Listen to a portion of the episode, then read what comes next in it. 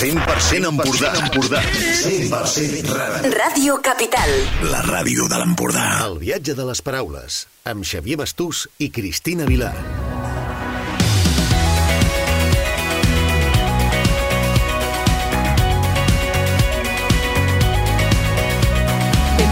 I benvingudes al Viatge de les Paraules, al programa de llibres i viatges de Ràdio Capital. Som en Xavier i la Cristina de la llibreria Agència de Viatges La Viatgeria, que forma part del primer poble de llibres de Catalunya. Amb aquest programa creem un mapa de llibres i racons del món per tal que us serveixi d'inspiració per escollir les vostres properes aventures. Ens acompanyeu?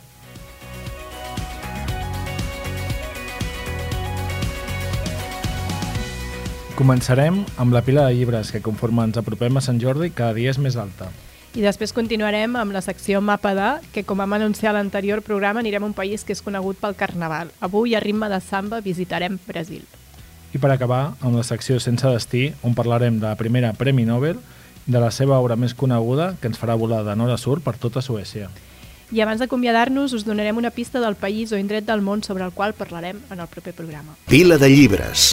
Xavi, m'has donat una llista de països dels quals parlarem avui en la secció, però no m'has dit quins llibres ens, ens, ens proposes pel programa d'avui. Doncs sí, hem parlat de països i de ciutats, en aquest cas. Avui farem París, per partida doble, Itàlia, que et a escollir entre Florència i Cremona. Passarem per Suècia, també per partida doble. bueno, si contem el sense destí seria per partida triple. I acabarem per l'Empordà. Per on vols que comenci? Uh, doncs potser, no sé, París, mm, encara que tinc com una mena de sensació d'amor-odi amb la ciutat, perquè sempre la posen com la ciutat de l'amor molt romàntica i arribes allà i tampoc és, és tant. Doncs comencem per París. Uh, en aquest cas començarem amb el llibre d'en Xavier Bosch, 32 de març. Xavier Bosch sí que és un enamorat, un total enamorat de París, però No, no, si parles Xavier Bosch i París, em, em sembla ja bé. t'interessa, no? Sí. Doncs com a, mira, començarem amb una curiositat d'aquest llibre. Uh, el títol, ja que ha creat uh, alguna altra confusió amb les presentacions que s'estan fent d'aquest llibre, amb la data de 32 de març. Bueno, és veritat, inclús em va passar a mi, uh, revisant el correu de la, de la llibreria, vaig veure un que posava 32 de març, novetat, Xavier Bosch, s'han equivocat. Doncs sí, està passant, eh, amb, per exemple, eh, presentació el dia 23 de març del llibre 32 de març. Lògicament, veus sota, so, sota els comentaris et t'apareix el... es- És incorrecta la data, quina data és la... Però bé, eh, només que entrem a la novel·la mm, veurem ràpidament, perquè ja que 32 de març... Però no ens expliquis avui, No, no, perquè crec que hi ha molta gent amb ganes de llegir aquest llibre. Eh, és difícil anar, anar explicant una miqueta el llibre sense arribar a fer aquests spoilers, mm. no? Però sí, el 32 de març, més concretament del 2008, en un pis de Montmartre a París. Eh, veurem que és un dia màgic, és un dia especial. Vale. Fins aquí, no? Fins, sí, més o menys fins aquí. És, és a l'inici d'una llarga conversa entre la Bàrbara i el Roger. Eh, ella és una venedora de drets editorials que ha anat a París a refugiar-se per una sèrie de situacions i el fotògraf, que és un fotògraf empordanès, es converteixen per forma accidental en companys de pis, eh, companys de pis d'una forma estranya, i a partir d'aquí comença la història a moure's entre aquest dia de París del 2008 i el París de 1940 on vivia la- l'àvia de la Bàrbara, la Margot, eh, i on ens explica la seva joventut i una història d'amor on va viure en aquest, en aquest París ocupat pels, pels nazis. Amb la base d'aquesta història, que ja dic per no explicar res Expliquem, més, Sí. Uh, es tracten temes molt interessants, es tracten les relacions entre àvies i netes, és que és una tipus de relació molt especial. L'autor també es pregunta si coneixem tota la vida dels altres, o de la gent que tenim a prop, si la coneixem tota, si no la coneixem tota, per què és, què ens amaguen? I per què ens ho amaguen.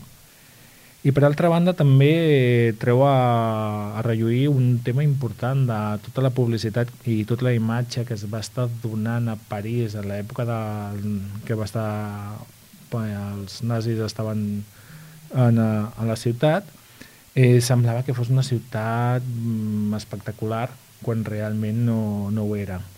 En aquest cas, eh, el llibre en parla, però jo recomano un altre llibre, que és de l'Alan Reading, que es diu I la festa va continuar, on s'explica la vida cultural del París ocupat, d'on venien, d'un París dels anys 30, que era el centre cultural de tota Europa, i um, quan es va ocupar París, què van fer els, els artistes que hi vivien? Molts van fugir, uns quants van passar a la resistència i altres s'hi van posar bé amb el nou règim que hi havia. Llavors és, és, una, és un assaig, però explica molt bé tota aquesta part. En el llibre, per acabar de resumir una mica el de 32 de març, el llibre segueix l'estil anterior de Xavier Bosch, o sigui, si tu n'has llegit algun, segurament et Sí. seguirà agradant, Mhm. però tot i seguir el seu estil jo crec que el millora una mica. Per tant diríem que és un millor llibre eh, seguint la seva línia però ha millorat. Pels que ja heu llegit alguna és molt recomanable. Pels que no han llegit res d'aquest autor seria un bon inici a aquest llibre. Jo no, no, bueno, no puc dir que me'ls hagi llegit tots, crec que algun em falta, però sí que recordo el de Paraules que tu entendràs o algú com tu, i aquest en tinc ganes, però necessito trobar com un moment de tranquil·litat per, per llegir-lo. Sí, Xavier Bosch és un autor que toca molt els sentiments. Exacte. Eh, parla de família, parla d'amor, llavors mm. eh, en algun moment ens podem trobar que parla de coses properes a, a nosaltres Mhm. i aquesta és la seva gràcia. Exacte. Continuem per París? Continuem a París. Continuem a París amb el llibre eh, París érem nosaltres d'Andreu Claret. És el mateix París on estava vivint la- l'àvia, la, la Margot, l'àvia de la Barba, del, de la història Sí. anterior. És, és la mateixa època, a la Segona Guerra Mundial, un París ocupat pels nazis, i en aquest cas és una parella de catalans que són exiliats republicans que es troben i s'enamoren en aquesta ciutat. Eh, bàsicament després la història es decanta per ell i va explicant tota la seva, les seves vivències. Ell és una persona molt vinculada als republicans, tant a Lluís Company com té una relació molt estreta amb Pau Casals, i continua, tot i estar exiliat a França, continua molt actiu políticament. Ajuda als maquis, a, als maquis a la Cerdanya, escapar diverses vegades de la Gestapo, i mentre va vivint a França fent coses com gestionar el cert més gran de tota França, eh, explotar uns boscos a Occitània, i totes aquestes activitats eh, són sorprenents de per si i ja seria una història, però a més a més l'autor mm, va explicar que la novel·la està basada en, en la vida del seu pare, el polític Andreu Claret i Casadesús, que és un dels fundadors d'Esquerra Republicana de Catalunya. Per tant, ens trobem amb una novel·la històrica, amb una exa- exactitud i quantitat de detalls molt... Clar, està parlant de la història del seu pare i en pare ell també l'ha viscut, llavors és, és molt, molt potent, i a la vegada és un exercici que fa l'autor per explicar la història de la família que respua als sentiments personals que hi té. Llavors, això, parlar de la seva pròpia família, eh, jo crec que més enllà de, de tot això, ens- molta gent es trobarà identificada amb tothom o molta gent té un tiet, té algú que, que va anar a l'exili i aleshores jo crec que, que arribarà a molts públics per això. Mm -hmm. bueno, és interessant, no?, que ens explica París, les dues novel·les que ens expliquen París en moments, podríem dir, històrics propers, no?, més o menys. Sí, i, i vivint la ciutat o el, el moment de, de formes molt, molt diferents. Exacte, molt diferents. Però- Sí, són complementaris, no?, podríem dir. Començar per un i acabar amb l'altre. Bueno, té un nexe d'unió que és París. Exacte, ja està, deixem-ho així. Molt bé. Seguim per Itàlia? Seguim per Itàlia, sí. Florència o Cremona? Que, quina vols? Mm, Florència, va. Florència. Mm. Doncs si comencem per Florència, parlarem de la Maggie O'Farrell amb el retrat de matrimoni, que és la seva última obra. És una obra mm, d'aquestes de, de principi d'any les més esperades. I primer vull situar una miqueta qui és aquesta autora, la Maggie O'Farrell. La Maggie O'Farrell segurament us pot sonar per llibres com, uh, com aquest deu ser el lloc o la mà que va premiar la meva. Però especialment va saltar la fama, o, o és més coneguda, pel llibre Hamnet. Hamnet és una història eh, on narra la vida de la, fi, de la família de William Shakespeare, però amb una curiositat de que William Shakespeare no surt nombrat en tota l'obra. Es parla d'ell, es ve que es dedica al teatre, i en tot cas et parla del de, meu marit, el meu pare, perquè es basa més la història amb, tant amb la dona, amb la Anne Hathaway, com a, amb els seus fills. I especialment parla de la mort de Hamlet que és un, un, és un dels seus fills. De, en va tindre tres, si no m'equivoco doncs és la mort d'un d'ells. I explica sobretot la dona, els germans com viuen el dol tot i que en aquella època perdre un, dos, tres, quatre i cinc fills mm, era molt habitual eh, com ho van viure i en alguns moments diuen bastant, és, tothom en perd però dius nosaltres eh, ens ha afectat i d'alguna manera també relaciona el, el fet de que des, posteriorment, sembla que va ser 12 anys després, a William Shakespeare va escriure Hamlet, que és una altra forma de dir el mateix nom de Hamlet, mm -hmm. i si va ser una obra en homenatge al seu fill o no. Bueno, bueno. Eh, l'autora toca molt bé tots aquests temes del dol, l'amor, la vida, i en aquest cas eh, aquesta obra s'ha convertit en un long seller, eh, està mm. amb els més venuts sempre i és una lectura molt recomanable. Per tant, per això esperàvem l'arribada d'aquest nou llibre. Sí, sí, sí. En aquest nou llibre, amb el retrat del matrimoni, torna a tractar el tema de l'amor i la vida, la línia tan fina que ens pot canviar un amor com ens pot canviar la vida i com ens pot afectar.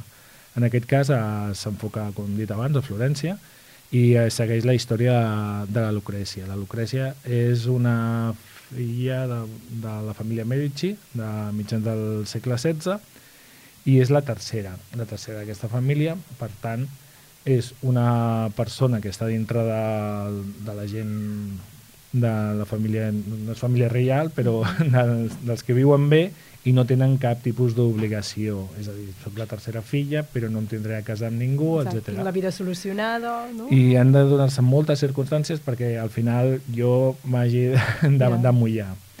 Pues, mm, aquesta cosa li, li passa a ella. La seva germana, que estava previst que es casés amb el duc de Ferrara, uh -huh.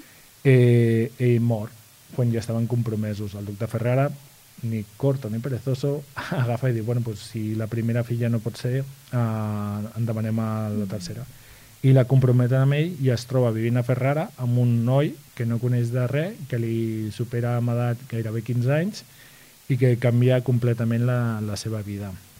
Llavors, a partir d'aquí, que és el, una miqueta l'anunci, la, el titular de, del llibre, comença l'autora a parlar de, com ens canvia l'amor, la, com mm -hmm. ens pot canviar la vida i les situacions que hem, que hem d'anar trobant. Per mi, jo ara mateix, és un dels llibres que tinc a la part de dalt de... Dalt, no? Posaria més amunt a la pila yeah. de llibres. No sé, Florència és un dels llocs que està a la meva llista de pendents. Tot, bueno, tota la Toscana. No sé si llegint aquest llibre em vindran més ganes encara d'anar-hi. A veure, parla de, de Florència, parla d'aquella època, però sí que és cert que es centra més amb els protagonistes, amb el treball dels personatges, que amb l'escenari on passa tot això. Vale. Per tant, t'hauré de fer una reproposta perquè et vinguin ganes d'anar a Itàlia, que suposo que no et costa gaire, no tu? A mi no em costa, no. no. no. Um, parlarem de l'obra de, de la Helena Hadley, que és una autora enamorada d'Itàlia, que ha estat vivint més de 30 anys allà, i que té una formació en horticultura. Això aquí és un, com un punt de...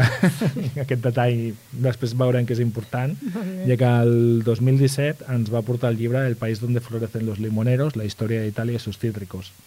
En aquest llibre ens descobrirà la importància que tenien els cítrics a la Itàlia del segle XVII i es feien servir per tot. Es feien servir per medicina, es feien servir per cuina, ornamentació, perfums, per qualsevol cosa gairebé i també el procés de creació de les noves fruites amb enginyeria genètica de l'època. En aquest llibre ens explica que les taronges, cosa que jo desconeixia, venen d'un creuament entre les aranges i les mandarines. Mm.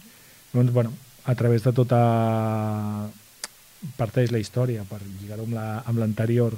La, el primer que parla és el segle XVII i ens parla dels tarongers que hi havia en els jardins de la família Medici.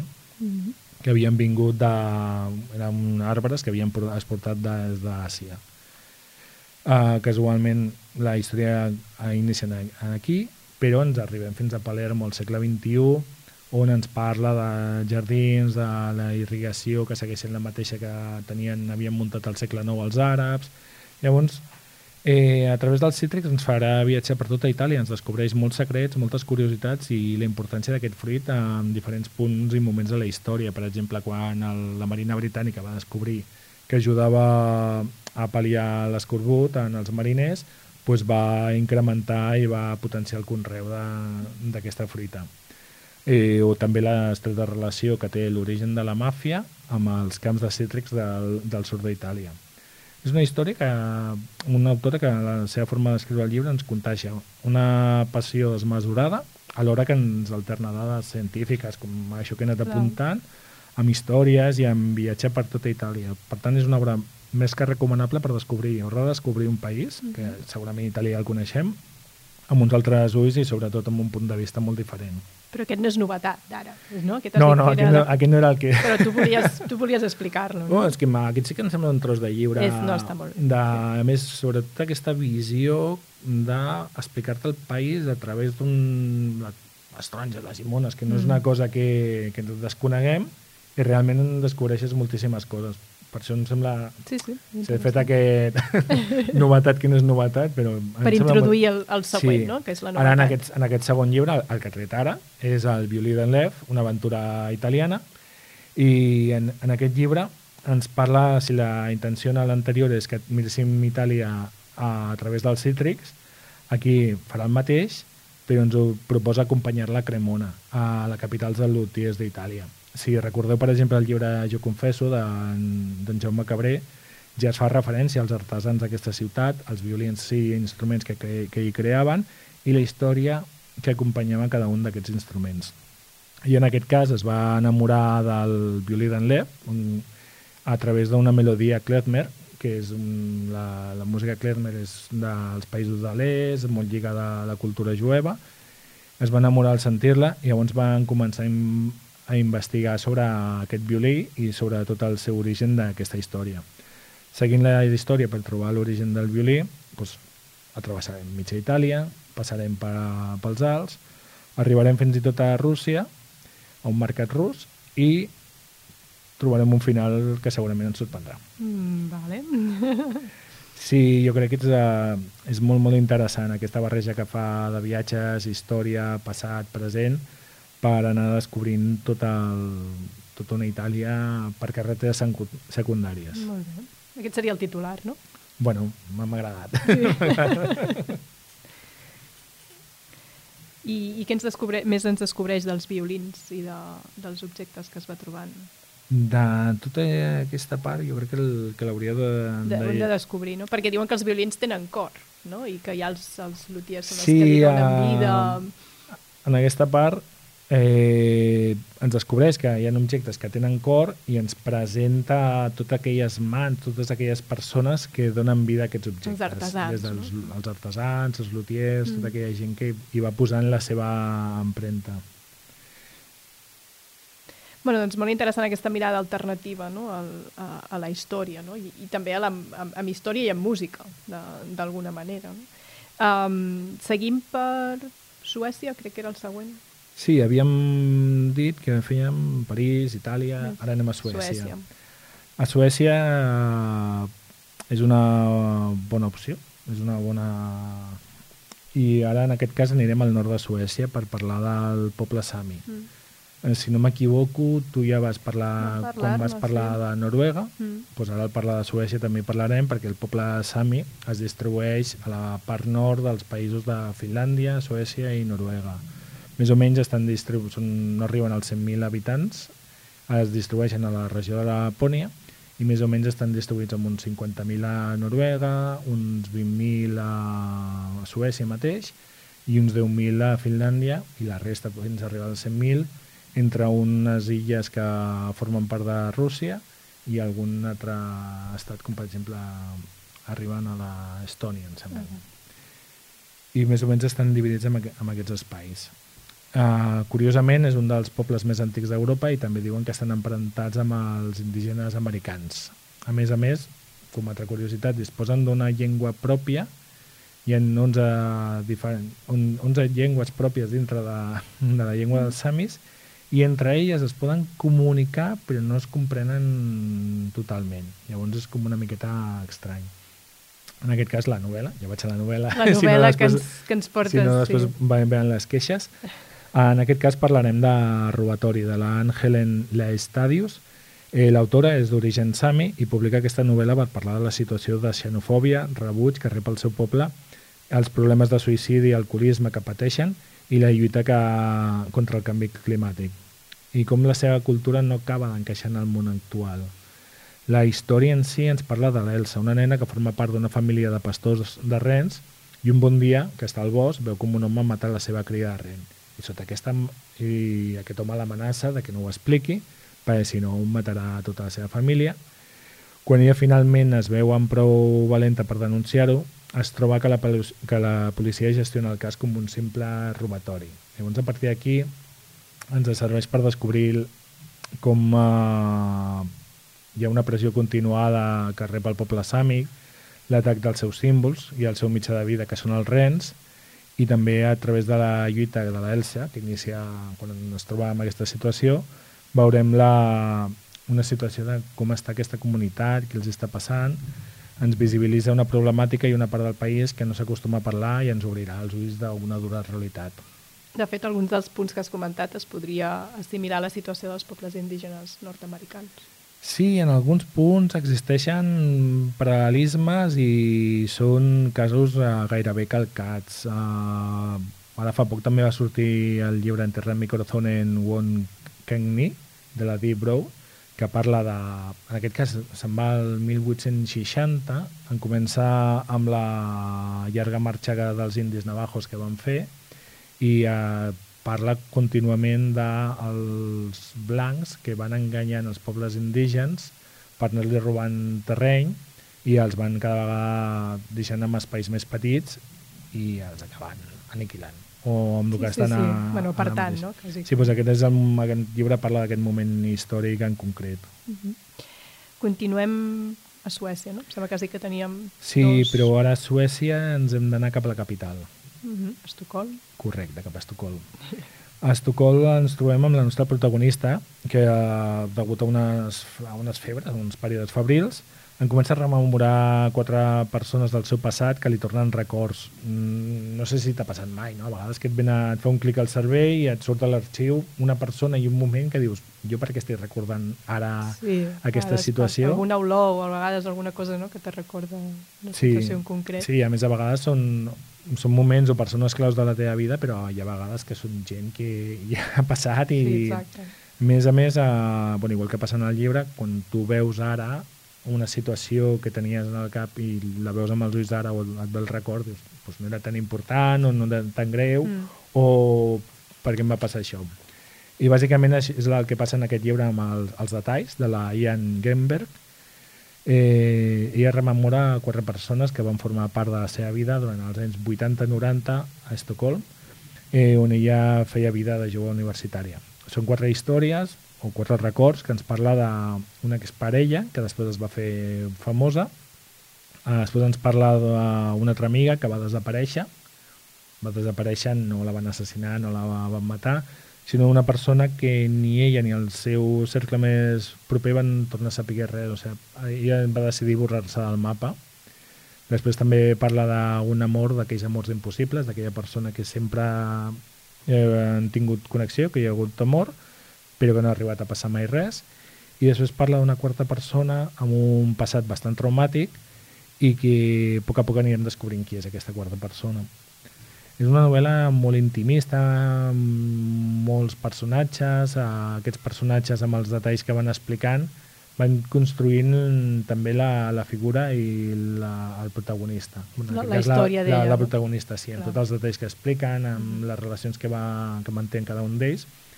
I a Suècia va ser una de les grans novel·les del 2022, ha estat traduït aquí a principi d'any al català i al castellà. Jo crec que pot ser molt, molt interessant. Molt bé, doncs tornem cap a casa. Tornem cap a casa, sí, hem dit que parlaríem de l'Empordà i són llibres que els dos que eh, diré ara, que tenia al cap fa temps, que pensava que també eren novetats i que pel tipus de llibreria que nosaltres tenim també mm, estaria bé comentar-la, però no trobar el moment. I jo crec que ara que en torna el bon temps, que fa bon temps però no fa calor encara, són llibres, els llibres d'excursions, que són per comentar. En aquest cas eh, faré esment de dos, eh, excursions a peu per les Gavarres de Cossetània, que és, les Gavarres són massís que tenim aquí a la part sud del Baix Empordà, però que, no, que si la travessem arribem fins a Girona, a les portes de Girona, però que no, no sé, no, crec que és poc... Com tothom el coneix, però no, no el tenim Sí. suficientment explotat. Mm. Llavors aquest llibre re, recorre tot el massís a través de 15 ru rutes, les més curtes d'unes dues hores, les més llargues fins a 6 hores, la majoria estan envoltant a les 4, és a dir, un matí per la muntanya, i la majoria, no, crec que totes són circulars. Això està molt bé per evitar logístiques, t'evitar Molt anar, anar, bueno, anar i tornar pel mateix camí a vegades, eh, coses d'aquest estil, i ens descobreix doncs, tants dolmens, ermites, espais poc coneguts del massís, i jo crec que en dies clars s'ar- s'arriba a veure fins i tot el, bueno, s'arriba a Sí, veure, no, s'arriba a en veure. algun punt veus el litoral i tens una bona vista, Illes Medes, etc, Montgrí, Mm. i està molt bé. Si parlem del litoral, també la segona recomanació seria el, el sender litoral de la Costa Brava de Suada Edicions. Podeu dir que és una guia més sobre el camí de ronda del GR92, i potser sí. també pensarà que, que no cal gaire ciència per fer el camí de ronda, ja que està la major part ben senyalitzat i és relativament accessible i, a més a més, amb poques possibilitats de perdre's. Eh, doncs també, també direm que sí. Bueno, nosaltres perquè ens ho coneixem, però potser si ve algú de fora. Bueno, en, en el camí de ronda, la veritat és que no Està tens... és endavant, enrere, eh, si no I mar. mar. Sí. Sí. No, no, no, no hi ha molt secret. Però sí que penso que és un... Té, un, té diferències aquest llibre. Normalment totes les guies de, parlen dels camins de ronda, eh, parlen d'anar a caminar. Tu divideix en 8, amb 12 etapes, i caminar i unir els diferents punts des de Blanes a Portbou, que eh, fa tot el recorregut. I aquest llibre ja no parla d'etapes, sinó et parla de capítols, i et divideix el llibre en 27 capítols, que van igualment des de Blanes fins a Portbou, però, per exemple, a cada població que passa t'explica coses que visitar, et proposa una ruta per l'interior de la població, de forma i manera que no només atravesses la població seguint el camí de ronda, sinó que un capítol d'aquests et pot servir per fer tota una excursió tot un dia. Eh, jo crec que mm, indueix més a la calma, a, a la passejada, al gaudir d'aquest camí litoral, sense anar a fer el trajecte, que seria més aviat el que proposen la, la resta de guies i és un, seria el tret diferencial. De fet, ens venen a preguntar moltes vegades per excursions, o sigui, llibres de, de rutes tant pel Baix Empordà, però també eh, arreu de Catalunya. Sí, fa un any era un problema perquè jo no venia d'aquí i poc, poc coneixia més enllà de les guies. Ara ja podem recomanar una miqueta de criteri Mm. i, eh, i tenim també, doncs, què sé, si algú s'anima, tenim els 100 cims de les comarques gironines, Exacte, ja. tenim guies dels Pirineus a comarques de Focs, Transpirenaica, ens en podem anar fins al camí de cavalls de Menorca i amb bicicleta, vamos, que per idees no, no ens en no, faltaran. No, no, exacte. I a més ara, no, que és el que comentaves tu, que bé la primavera és una bona època per, per fer activitats a, a l'aire lliure i de fet mm, l'autor de la guia aquesta del camí de ronda estarà a la viatgeria el dia 8 d'abril um, explicar-nos la seva visió del camí de ronda i com ha fet uh, aquesta guia. Sí, correcte. Doncs ara no sé si ens queda algun indret més per visitar o ja tindríem per avui, no sé si m'he despistat. Hem anat a París, a Suècia... No, hem passat ja per tots els països que havia promès que passaria. Ja saps Sí, que sempre no? Ja intento estem, que les oi? novetats siguin Vale. un, un trajecte, però aquí em faltava colar-ne una, una més. Ja hi som. No, una. Una només, només, només vale. una. En aquest cas uh, us parlaré d'una última recomanació que, serà, que seria Seré el teu mirall de Lluís Antoni Baulenes, que és el Premi Santa Eulàlia d'aquest any, i és una novel·la negra que ens situa a Barcelona a principis dels anys 2000, de l'any 2003 concretament. En el gènere de novel·la negra jo trobo que és molt interessant per conèixer les ciutats i a mi sempre em ve el cap quan em pregunten per Barcelona, per exemple, per conèixer Barcelona, el Vázquez Montalbán, amb el seu inspector, el Pepe Carvalho, ens descobreix les zones més complicades, el Port, el Raval, a, a la plaça Reial, i ens fa recórrer els seus carrers. Llavors, és una... És un, sempre aquests, el novel·la negra, normalment els inspectors, el personatge principal, viu en una ciutat i està sempre en aquell explicant, passejar per aquest carrer, feia això. Mhm. Jo trobo que perquè està parint, és, són interessants. I en el cas de, de l'obra que en tractem, el Seré el teu mirall, tornem a trobar-nos amb personatges que es mouen per aquesta Barcelona més fosca. I amb la distància de 20 anys, doncs, de parlant coses de l'any 2000, serveix perquè pugui donar importància a la ciutat, per poder parlar de temes que van ser importants en aquell moment, com va ser l'especulació immobiliària i continua sent-ho ara. Sí, sí. Sí. La trama ens porta més amunt delirant lluita sobre un tema arquitectònic on el protagonista, en Jaume Pedrol, s'hi veu abocat i és una novel·la que va barrejant aquesta novel·la negra amb una novel·la de personatges que està molt ben entrenada i la veritat que t'enganxa moltíssim. És un llibre que eh, tu passes bé llegint-lo, el gaudeixes, i a més a més és a la vegada una crítica molt bèstia sobre Ba- Barcelona i a la vegada jo considero que és un homenatge. Llavors fa aquesta barreja de et critico però t'estimo que, que a mi per això el volia afegir en aquestes recomanacions. Molt bé, i ara sí, amb això tanquem. Mapa de... Eu só quero viajar, curtir, pisar do mar em Floripa, Floripa. Eu não quero me estressar de você, eu vou provar em Floripa.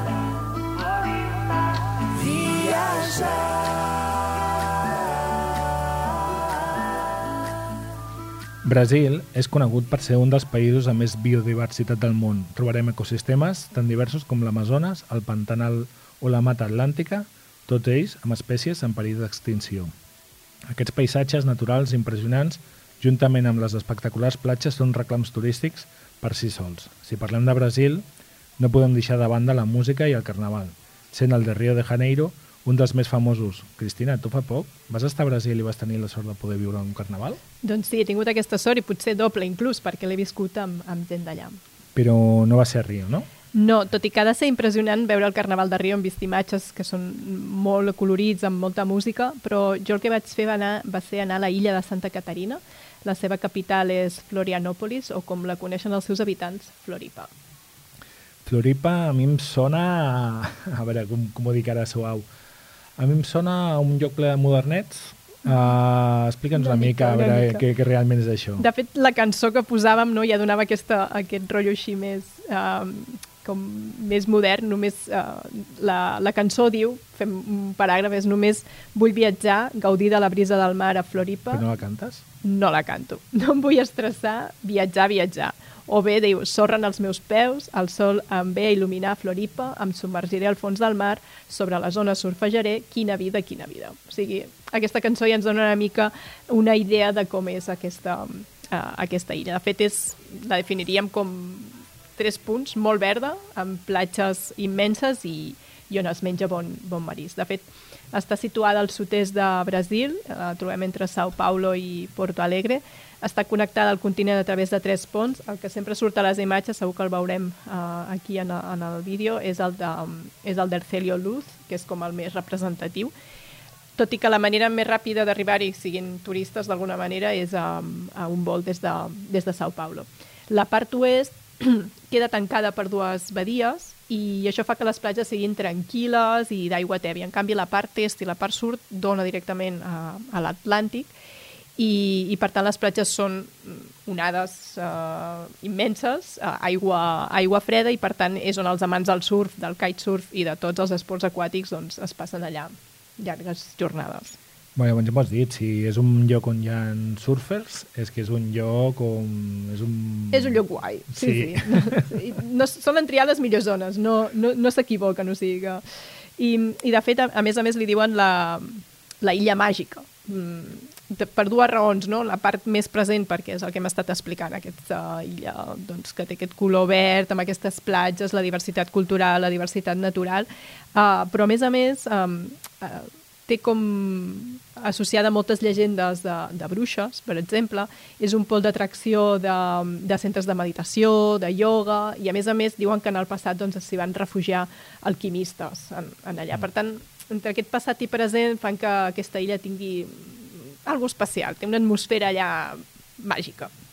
Llavors, creus que visitar Brasil quan és carnaval és la millor època per fer-ho? Sí no. O sigui, si realment vols anar a visitar, a veure el Carnaval, és de les millors èpoques perquè el vius um, molt, molt intensament, però sí que és veritat que és un moment de multituds, és un moment també que ells uh, fan festa, per tant tanquen, i si tu vas allà a fer turisme, doncs potser et pots quedar, no? que hi ha alguns serveis que no, que no funcionen. Però viure el Carnaval allà és, in, és intens, perquè ells el viuen, el viuen així, l'esperen tot l'any, L'esperit del carnaval és un moment per celebrar les seves arrels. La samba és el ritme que els connecta amb els seus avantpassats, que serien els, els esclaus africans. I també és el moment en què les escoles de, de samba són les grans protagonistes, fent presentacions, fent, fent desfilades, i que es preparen durant tot l'any. O sigui, per ells és, és una cosa molt important i, a més a més, perquè aquestes desfilades tenen també un, un punt històric, tenen un motiu, no surten perquè sí a ballar, sinó que tenen a darrere un, un punt de reflexió d'aquesta història, no? de les seves arrels. I una cosa que ens explicaven és que ells s'emocionen una mica, tant si presenten, no? si estan a una escola de dansa, ai, perdó, de, de, de samba i, i fan una presentació en aquest ball, tant, tant això com si, si realment doncs, estan allà només d'espectadors. Per ells és un tema de, de, de les arrels. I com deia, no, la samba té, té aquest origen en els esclaus africans, africans, especialment els que venien d'Angola, perquè Angola era colònia portuguesa, llavors, mm -hmm. d'alguna manera, els portuguesos feien aquesta um, cir mala circulació de, de, de persones. Van arribar a Brasil sec, final segle XIX i es van establir sobretot a l'estat de, de Bahia. Mm, i allà van, van començar, doncs, les, ells tenien la seva pròpia música, les seves tradicions, i van començar a barrejar aquesta música amb altres, més, més europees, van, és fusió, no? I, mm, I per ells estava associat molt a les, més a les celebracions religioses que no pas a l'entreteniment. I no es veien bons ulls que aquesta música sonés, no? perquè, perquè doncs, uh, no, era venien dels esclaus, no venia no? De, de, la, de la colònia, diguéssim.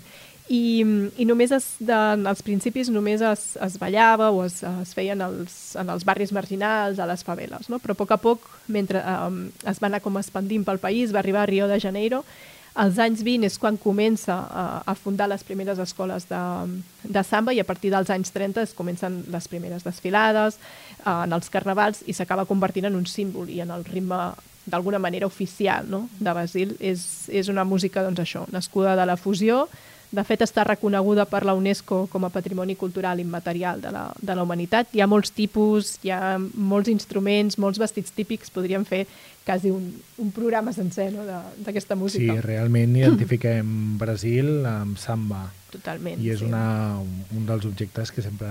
Mm. Ara, mentre parlaves, venia un, a posar-te en un compromís amb diferències entre els carnavals d'aquí, mm. de les rues del Baix Empordà, amb, amb els carnavals de... Clar, no, no és el mateix també en el sentit de, perquè és molt més d'allà on viuen com molt més les seves arrels, no? la, la, la seva història, a part, evidentment, de la festa, no? que això és, és, és inherent. Això és el punt comú, no? És un punt comú, exacte. Però, per exemple, les disfresses. Allà no veus gent eh, anant a buscar l'última disfressa de del superheroi que ha sortit a la televisió, de la sèrie de moda, no? O, no o la típica de policia, bomber, no. No hi ha gent de Bob Esponja... Uh, tampoc, no. no, no, no, no. Allà hem quatre complements, et fan una disfressa i, i ja està, no necessiten, no, no necessiten més, no? A part d'això, no? que les escoles um, et vas trobant les presentacions aquestes de les escoles de, de, de, samba. de samba, també festes de barris, petites festes improvisades de, en el barri, concerts al carrer, DJs, o algú obre el cotxe, posa música i es, es, es posen a ballar. També hi ha exposicions d'art, um, espectacles de dansa, i a més ha coincidit que aquest any era com el seu primer carnaval després de pandèmia, perquè l'any passat van tenir època Bolsonaro i no, diguéssim que no el van poder viure de la manera que, que, que ells volien. Llavors es barreja un carnaval més oficial amb una cosa més popular improvisada, no? Sí, sí, sí. sí. Eh, I després d'aquest any que tu comentes que ha sigut un any d'impàs... Una època complicada, sí, sí.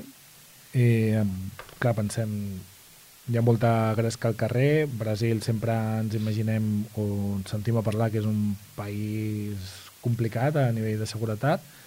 Floripa, com a tal? Jo no no, jo no vaig veure insegur, evidentment, en un moment en què hi ha multitud de gent has de vigilar perquè doncs, uh, no, no et robin, però més enllà d'això, no? Uh, de fet, feien com la, la broma no? de, de, que va sortir, uh, que deien els diaris o la, a la premsa que es havien robat tipus 17 mòbils en el primer dia de Carnaval, no? I llavors deien, ostres, això a Rio, els 17 aquests te'ls roben en, en un minut. Per tant, evidentment, és, la població no és la mateixa, no? Però, però és com no, no hi ha la mateixa delinqüència que, que altres zones. Mm, vale. Llavors entenem que passen coses com a totes vegades. Com a tot arreu, Vale. exacte. Abans parlaves de que al final Brasil és d'origen portuguès o va ser... I es noten aquestes arrels de, del passat dels esclaus que venien d'Àfrica, de Brasil i aquests d'origen, sobretot per arquitectònica portuguesa? Sí, sí, es nota en els centres de la ciutat, sí, aquests edificis més així d'arquitectura colonial, però hi ha un poble en concret que és Sant Antonio de Lisboa, no? Que ja més o menys ja s'intueix, és un barri històric amb els carrers empedrats, és, és molt pintoresc, a més a més és un, és un poble de, de pescadors, és com entrar a Portugal, Portugal en, en, en petit. I, I això, els edificis destaquen per aquesta arquitectura colonial portuguesa, a més a més és un bon lloc on que és un lloc de pescadors per menjar marisc i peix fresc. Uh, de fet, estan especialitzats en les ostres, estan boníssimes, a més te les serveixen amb qualsevol, amb qualsevol salsa, amb catxassa, amb, bueno, mil, mil i una maneres no? de, de, de servir-les. La catxassa què és? És el licor. Ah, és el, sí, sí, sí. I, mm, I a més a més, a part dels, dels, de, de l'empremta portuguesa, eh, Brasil també va rebre cap al sud um, immigrants de- d'Europa, de, provinent de- d'Europa. I de fet hi ha una, una ciutat que és Pomerode, que només té, um, diguéssim, és com una Alemanya en petita, no? perquè allà hi ha va, immigrants procedents de- de- d'Alemanya. I un altre tema curiós, procedent també de, de fora, és, mm, saps quin personatge famós lligat a la literatura té un monument a Floripa? Personatge brasiler o no brasiler? Mm, no. No. Bueno, del món, podríem no, dir. no en tinc ni idea. Digues, digues. El petit príncep. De fet, um, l'autor, la, l'autor, no? la, de Saint-Exupéry, va passar allà... Uh, bueno, estava allà durant, durant temporades. I ell era pilot, de fet era, Mm. va, és escriptor també, però era pilot i cobria la, la línia de, Latino, de Llatinoamèrica i es quedava de vegades doncs, un temps en, a, més concretament a Campeche, no? que és, la, és una de les zones, una de les platges més, més boniques. Això va ser als anys 20. I d'anar coneixent la regió, d'anar-se quedant, de fet ell eh, aquesta zona el va inspirar per escriure alguns dels llibres, no? per exemple, el trobem a Vuelo Nocturno trobem paisatges d'això, no? de, de Campeche, i actualment doncs, hi ha un petit parc um, a la platja, en aquesta platja, que està de- dedicat també al, al petit príncep, que sobta, no? perquè de cop passes per i dius, ostres, per què aquí el, el, ha arribat el, el, el petit príncep? I de fet, als habitants d'allà els hi agrada explicar que Campeche ve de, del mot que, els va, que li va donar l'autor francès, perquè com que és una zona de pesca, ell sempre li deia que, deia que era un, un champ de peix, no? un, un camp de Camp de pesca. peix, no? I de champ de peix eh, va sortir el camp peix. Però és una, no és una versió És oficial. la cultura popular que diu Ah, que... exacte, exacte. Però els hi agrada com explicar, com que tenen el monument, doncs els hi agrada explicar que, que surt, que el seu nom surt d'aquest autor francès que més va escriure El petit príncep. Va, i ara que ja hem fet la, la part per fer el xec de història, cultura i una miqueta curiositats, Mhm. què no hem de deixar de visitar? Doncs ja que estem a la, a la platja de Campeche, just a davant tenim una illa, que s'anomena igual, la illa de Campeche, i eh, és com entrar en un món completament, completament diferent. Trobem una frondosa vegetació tropical, platges de sorra blanca, aigües cristal·lines, és com un Carib, mm -hmm. eh, però és a, la- a, a l'Atlàntic, no? I, I val la pena agafar el taxi barc, eh, taxi barca, no? Podríem Sí, dir, no? que t'aporta fins, fins allà. A vegades has de superar algunes onades perquè la, la platja això, no? És directament a l'Atlàntic i les onades són una mica més uh, complicades, però, però val, val molt la pena entrar en aquest món perquè a més és com hi ha una comunitat de pescadors que viu allà, llavors té tot un, així, un rotllo diferent.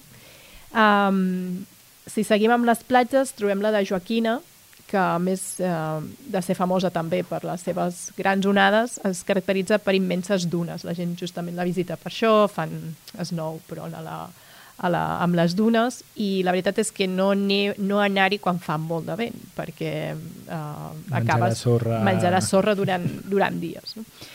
I seguint amb les platges, en, també en aquesta, estem en aquesta zona així, diguéssim, centre-sud, Mm -hmm. trobem la de Matadeiro, que um, l'atractiu, a més a més, no, de, de tota la vegetació que l'envolta, que ja has d'arribar caminant, um, és que allà no és, no és una platja com les que estem acostumats aquí, que t'estires a la sorra no? I, i ja està, sinó que, que l'aigua eh, l'aigua va i ve com, com vol, llavors ens han muntat el bar just al mig de la, de la platja, d'alguna manera a la sorra. Uh, les taules, les cadires estan clavades d'alguna manera a la sorra. Aleshores, la gent aquesta que va a primera hora a la platja a agafar lloc, No. aquí es troba el bar davant? Ja vas directament al bar. És un... És, de no, no, proposar, s'ha no, de, aquí? s'ha de fer, exacte, exacte. I ja si passem cap al, al nord, no? uh, trobem platges més tranquil·les, d'aigua tèbia, més familiars. Uh, per exemple, la Langònia doncs és, està menys urbanitzada, és, és molt, més, molt més tranquil·la. També per aquesta zona hi ha platges, que hi ha com una platja que hi van els famosos allà i aquestes històries. No? I, mm, i, a, I a més a més, si deixem com la part d'aquesta de, més de, de platges, és un lloc per viure la gastronomia. Mm -hmm. Podem visitar, per exemple, el mercat de la ciutat de São José, és, és parada obligatòria doncs, per als que els agrada menjar, la cultura local, i el centre històric de, de, de Floripa, a part de trobar tots aquests edificis que dèiem, no? de- d'estil de, colonial, eh, també hi ha el mercat, el mercat, eh, el mercat públic i hi ha tota una part a fora que són més productes frescos, també trobarem formatge, també tenen formatges bons, fruites, totes les, que, les fruites eh, boníssimes, maracuyà, mangos, que tenen eh, un gust, un gust superbo, Um, I després a dins trobem més les artesanies, no? que podem comprar alguna d'artesania per, per, per emportar-nos. I uh, per últim, que hem dit que es practica surf, kitesurf, no? a més a més de tots aquests, um, d'aquests uh, esports aquàtics, també podem fer senderisme i descobrir platges que hi arribes caminant, platges verges, platges superboniques. I per fer tot aquest trajecte, visitar totes les platges que ens has comentat, total de dies... Jo faria una setmana, una setmana també per prendre-ho amb tranquil·litat i una mica seguir aquest flow de la, de la illa, no? de, de, de, de tranquil·litat. Mm, el que passa és clar, seria bé, per exemple, complementar-ho amb un altre amb un altre lloc. El, el problema que té Brasil, entre cometes, és que és immens, no? que tens moltes coses per, per, per visitar, per tant, podríem fer aquesta illa i després anar a, a Pantanal. Pantanal és, una, és un lloc completament uh, diferent, és una extensió d'aigua molls, crec que diuen que és com la, la més extensa del, de, del planeta, allà trobarem doncs això, aigua molls, zones humides, rius, llacs i, i boscos, boscos d'aquests inundables, no? que, que pots, d'alguna manera Sí. pots passar amb, amb, amb canoa a través de- a través d'ells i és una de les, de les reserves naturals més importants del món. I aquesta zona doncs, ens dona l'oportunitat, ja no tenim platja aquí, no? sinó que canviem, canviem una mica, anem a fer més observació de, de flora i fauna, recórrer aquestes zones um, de riu doncs, a través de, de canoes, uh, fer senderisme, perquè també hi ha molts, molts llocs per, per explorar, i també fer la part de visites a les comunitats locals, uh, que hi ha moltes comunitats que viuen allà i podem aprendre també de la seva, de la seva cultura i del, i del seu estil de vida, però i ja ho hem dit a l'inici, ho deies tu, és una zona on hi ha moltes espècies en perill d'extinció, és una reserva natural, per tant, de tot, sempre, sempre, sempre gaudir de la natura d'una manera responsable, respectant doncs, aquests ecosistemes que són molt fràgils. I ara que ja, com sempre, ha sigut fàcil i ràpid convèncer a mi que m'entrin ganes de visitar, mentre vaig omplint la guardiola Mhm. per tindre pressupost per anar-hi, eh, quins llibres en recomanaries? Doncs comencem per algunes de les figures més destacades de la, de la literatura brasilera. Podries, podríem començar per Machado de, de Assis, és considerat un dels, dels grans escriptors brasilers. Um, té una de les seves obres importants són Memòries pòstumes de, de Brás Cubas o, o Don Casmur. I llavors també trobem Jorge Amado, que jo crec que es disputen una mica aquí el, el, el títol de millor escriptor, no? que sempre costa, costa molt posar aquesta etiqueta. Ell destaquem Los Pastores de, de la Noche és una història que se situa a Salvador, a la, a la capital de Bahia, i segueixen les aventures de, de quatre joves amics que pertanyen a, a una banda de delinqüents urbans. Llavors, aquesta novel·la d'alguna manera ens mostra les aventures d'aquests nois, no? De la vida, d'alguna manera una vida complicada no? que els ha portat a, o sigui, el fet de néixer en aquests llocs marginals els ha portat doncs, a tenir una vida complicada i a sobreviure a, a través de la delinqüència. I anomena doncs, una mica que el món els ha, els ha abandonat. I sempre doncs, toca aquests temes de la pobresa, la marginació social, la corrupció, la injustícia, però alhora també et mostra un, el Brasil que ell veu, no? és el seu país, i et vol mostrar doncs, un Brasil que també eh, té una riquesa cultural i una diversitat molt, molt, molt gran. I, I si passem a la zona d'escriptora, no? Mm. d'alguna manera, trobem la Clarice Lispector. Ella és d'origen ucranià, el que passa que de molt petita se'n va, va emigrar a Brasil. És considerada una de les escriptores més importants del segle XX. Tenia un estil molt característic d'escriure, ella sempre deia que escrivia per ella mateixa, que no escrivia per ningú, perquè tothom li deia, és que no entenem les teves obres, no? i alhora és una de les millors escriptores. Per tant, um, bueno, tenia el seu, el, seu propi, uh, el seu propi estil, explorar sobretot la identitat femenina. Tenim algunes de les seves obres com és Passió según GH o La, la hora de la estrella. Sí, segurament aquesta autora és una de les autores més complicades i difícils de... Mm i ara mateix és Club Editor, que està recuperant en català, està fent la traducció de, de gairebé tota la seva obra. I... Per alguna cosa, alguna cosa serà, no? Sí, sí, sí. I després trobem Conceu, Sau Evaristo, consta, eh? Eh, també escriptora, escriptora, aquesta sí que és, és d'origen afro-brasileny, va néixer a una de les faveles que hi ha al costat de Belo Horizonte, que és un barri de, de classe alta, i la història de la seva vida que està impresa d'alguna manera a, la, a les seves novel·les. Un dels seus llibres més importants és Poncià Vicencio, que és el viatge d'una jove afro-brasilera des de la terra dels seus avantpassats esclavitzats uh, fins a la, a la vida urbana. O sigui que pot d'alguna manera recordar el que ella, la, la seva vida. I, i com per autors brasilers acabem amb Itamar Vieira, és, uh, ell escriu novel·les com contes, destaquem Arado Torcido, per conèixer el Brasil rural. No? Ell ens explica tota aquesta part, de fet és, és especialista en, en, aquesta, en aquesta temàtica i ens ho explica a través doncs, d'una doncs, família que viu que viu al camp. Llavors veiem que hi ha el Brasil dels rics, el Brasil de la favela i un Brasil rural, no?, a través d'aquestes lectures. Sí, sí, sí, sí. sí. I uh, com a autors estrangers que hagin parlat de Brasil, hem dit no, que l'Antoine de Saint-Exupéry va, va incloure aquests paisatges de, de Florip en alguna de les seves obres, i després trobem l'Esteban Zweig, Stefan Zweig, que eh, de fet ell va viure els darrers anys eh, de, de la seva vida a, a Brasil, va fugir, va fugir d'Europa durant la Segona Guerra Mundial i es va establir a Petrópolis, que està a prop de, de Rio de, de Janeiro. Ella va escriure algunes de les seves obres més importants, com ara la biografia de Maria Antonieta o les memòries al, al món d'ahir. De fet, va morir allà, mm, es va suïcidar, de, diuen, no? I, i trobem d'ell el llibre Brasil, País de Futuro. Uh, aquí es veu que ofereix una visió molt optimista de Brasil, amb un potencial molt emergent, i, i de fet ho explica des de la seva experiència personal. De fet, és una de les obres que segueix sent llegida i, i és de, de referència. Sí, aquest any que s'han lliurat els drets d'autor de Stefan Zweig, uh, trobarem moltíssimes recuperacions de la seva obra mm. i en especial molt recomanable el món d'ahir seria una... Fantàstic, que... ens quedem amb aquesta, no? De... No, la de Brasil està molt bé perquè fa un retrat del Brasil de quan ell va arribar mm. brutal, però és que hi ha coses que trobes que estan en la mateixa situació gairebé ja. 80 anys com ell ho va retractar, que mm. queden exactament igual. Mm. I el món d'ahir, amb les memòries que fa de tot el que va passar a Europa, és de... Un autor de referència sí, que sí, tenim no, també a la viatgeria. Sí. molt bé sense destí.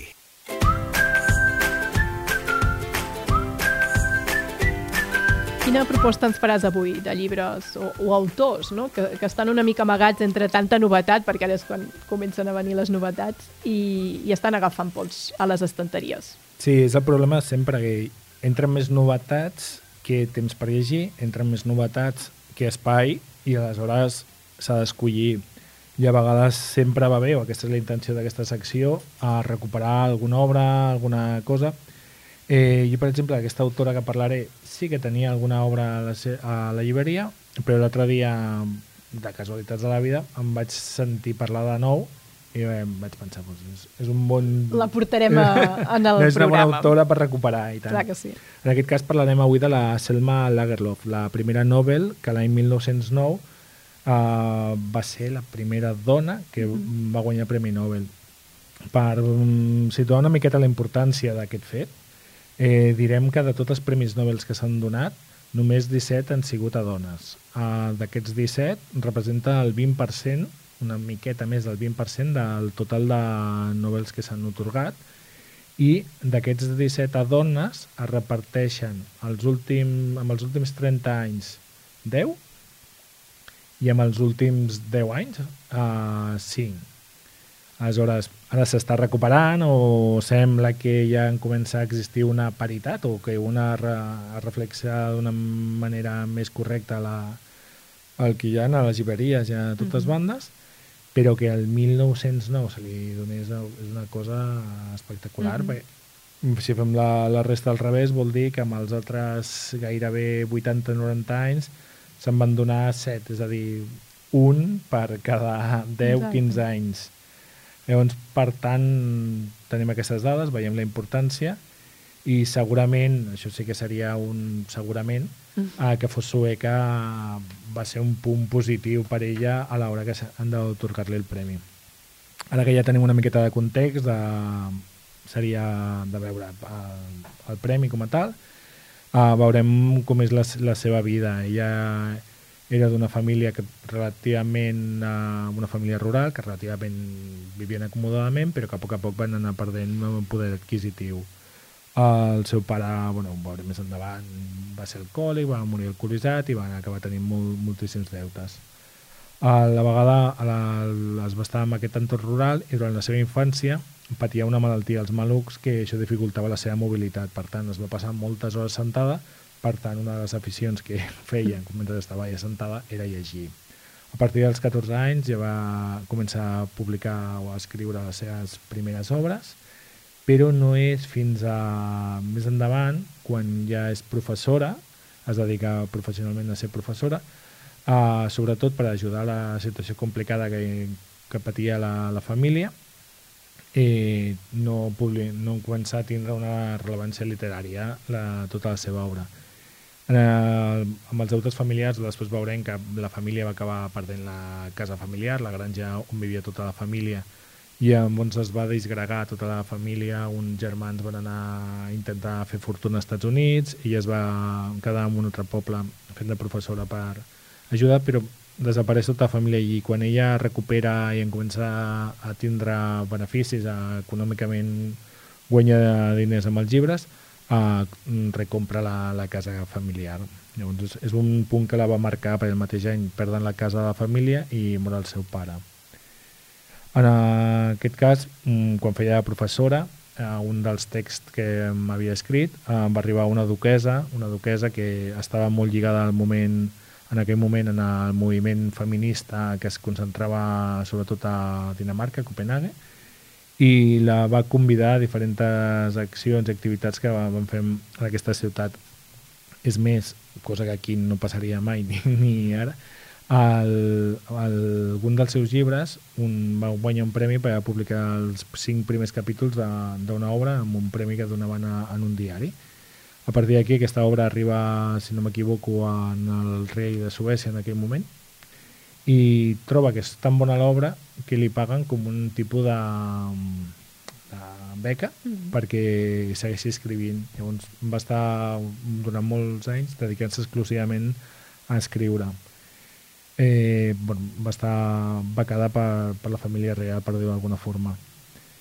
Uh, es va anar creant una, una carrera com, com a autora i va estar molt lligada a tot sempre als moviments feministes, etc. I com a anècdota direm que al final de la seva vida uh, ella va estar ajudant a, a, a, a fer marxar gent de l'Alemanya nazi i els portaven cap a Suècia. Entre les persones que va ajudar a anar cap a Suècia eh, trobem a la Nelly Sachs, que casualment va ser eh, el segon premi... Segon? Mm, em sembla que hi ha algun pel mig. Va ser Premi Nobel al, a l'any 1966. En un altre capítol, si voleu, expliquem la Nelly Sachs i la història i el que recorda de, de la seva salvadora. De tots els seus llibres, té una extensa obra, part d'ella explica la relació i com va acabar el seu pare amb alcoholisme i com va destruir la família, però jo crec que la seva gran obra és la, el maravilloso viaje de Nils Hogelson a través de Suècia. És un llibre que sorgeix d'un encàrrec que li va fer el Consell d'Educació suec que li demanava un text per ensenyar geografia del país als nens. I llavors al llibre ens trobem que engloba geografia, mitologia i costums del país. Per, per aquest encàrrec ja es va, dedicar, va, es va dedicar a visitar el país, a totes les regions, i aconsegueix conèixer la cultura i la natura i amb, amb tot detall. Això queda molt reflexat amb aquesta obra.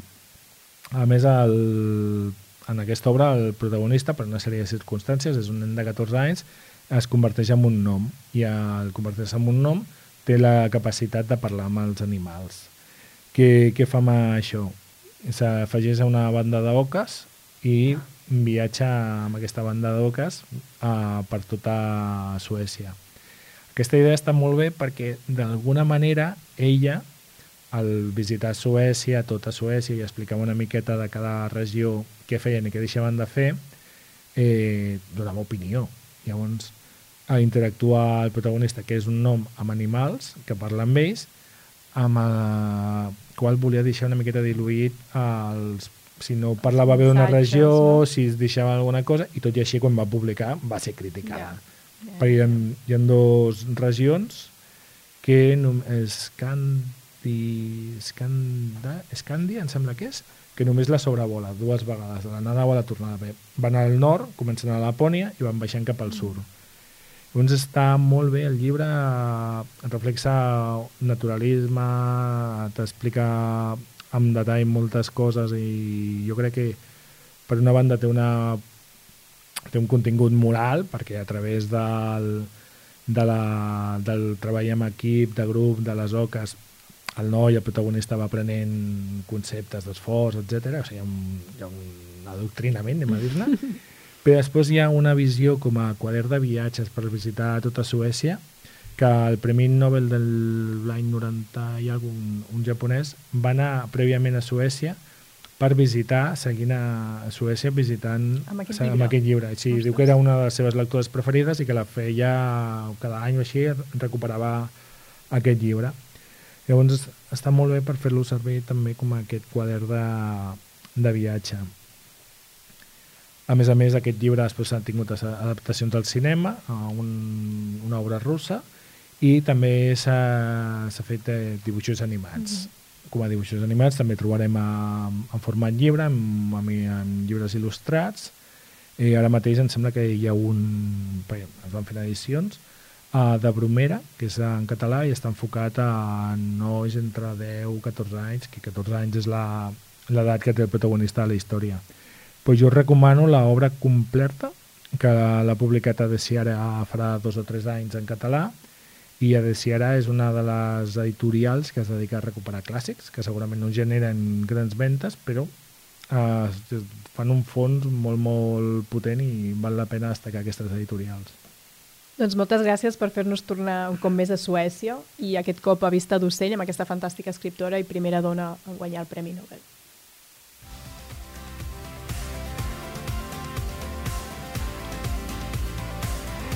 Ens acostem al final del programa, Cristina. Eh, ens pots donar alguna pista d'on viatgem al següent programa? Bé, com que el proper programa la pista és que bon, estarà dedicat a Sant Jordi, Això no és pista. no és una pista, no? I, bueno, crec que en comptes de viatjar a algun lloc veurem uh, com es viu el dia del llibre a diferents països. Uh, està bé, perquè sí, nosaltres tenim molta visió del que fem aquí i que, està ens molt bé i és, fantàstic. és fantàstic i quan ve gent de fora queda meravellada, però realment també hi ha coses a, Ah, a altres llocs. Potser no totes en aquestes dates, Exacte. Les sí- descobrirem. les descobrirem.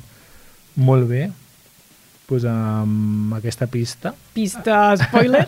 acabem el viatge de les paraules d'avui. Recordar-vos que sempre que pugueu compreu els llibres a les vostres llibreries de proximitat. Moltes gràcies per acompanyar-nos. Esperem que us hagi servit d'inspiració. Gràcies a l'equip de Ràdio Capital. Podeu escoltar els podcasts dels programes a la seva web i ens podeu trobar a les xarxes socials com a La Viatgeria o venir-nos a visitar a Calonja, al carrer de la Rulla número 12, on us podem recomanar llibres i destins per viatjar. Moltes gràcies i fins al proper programa.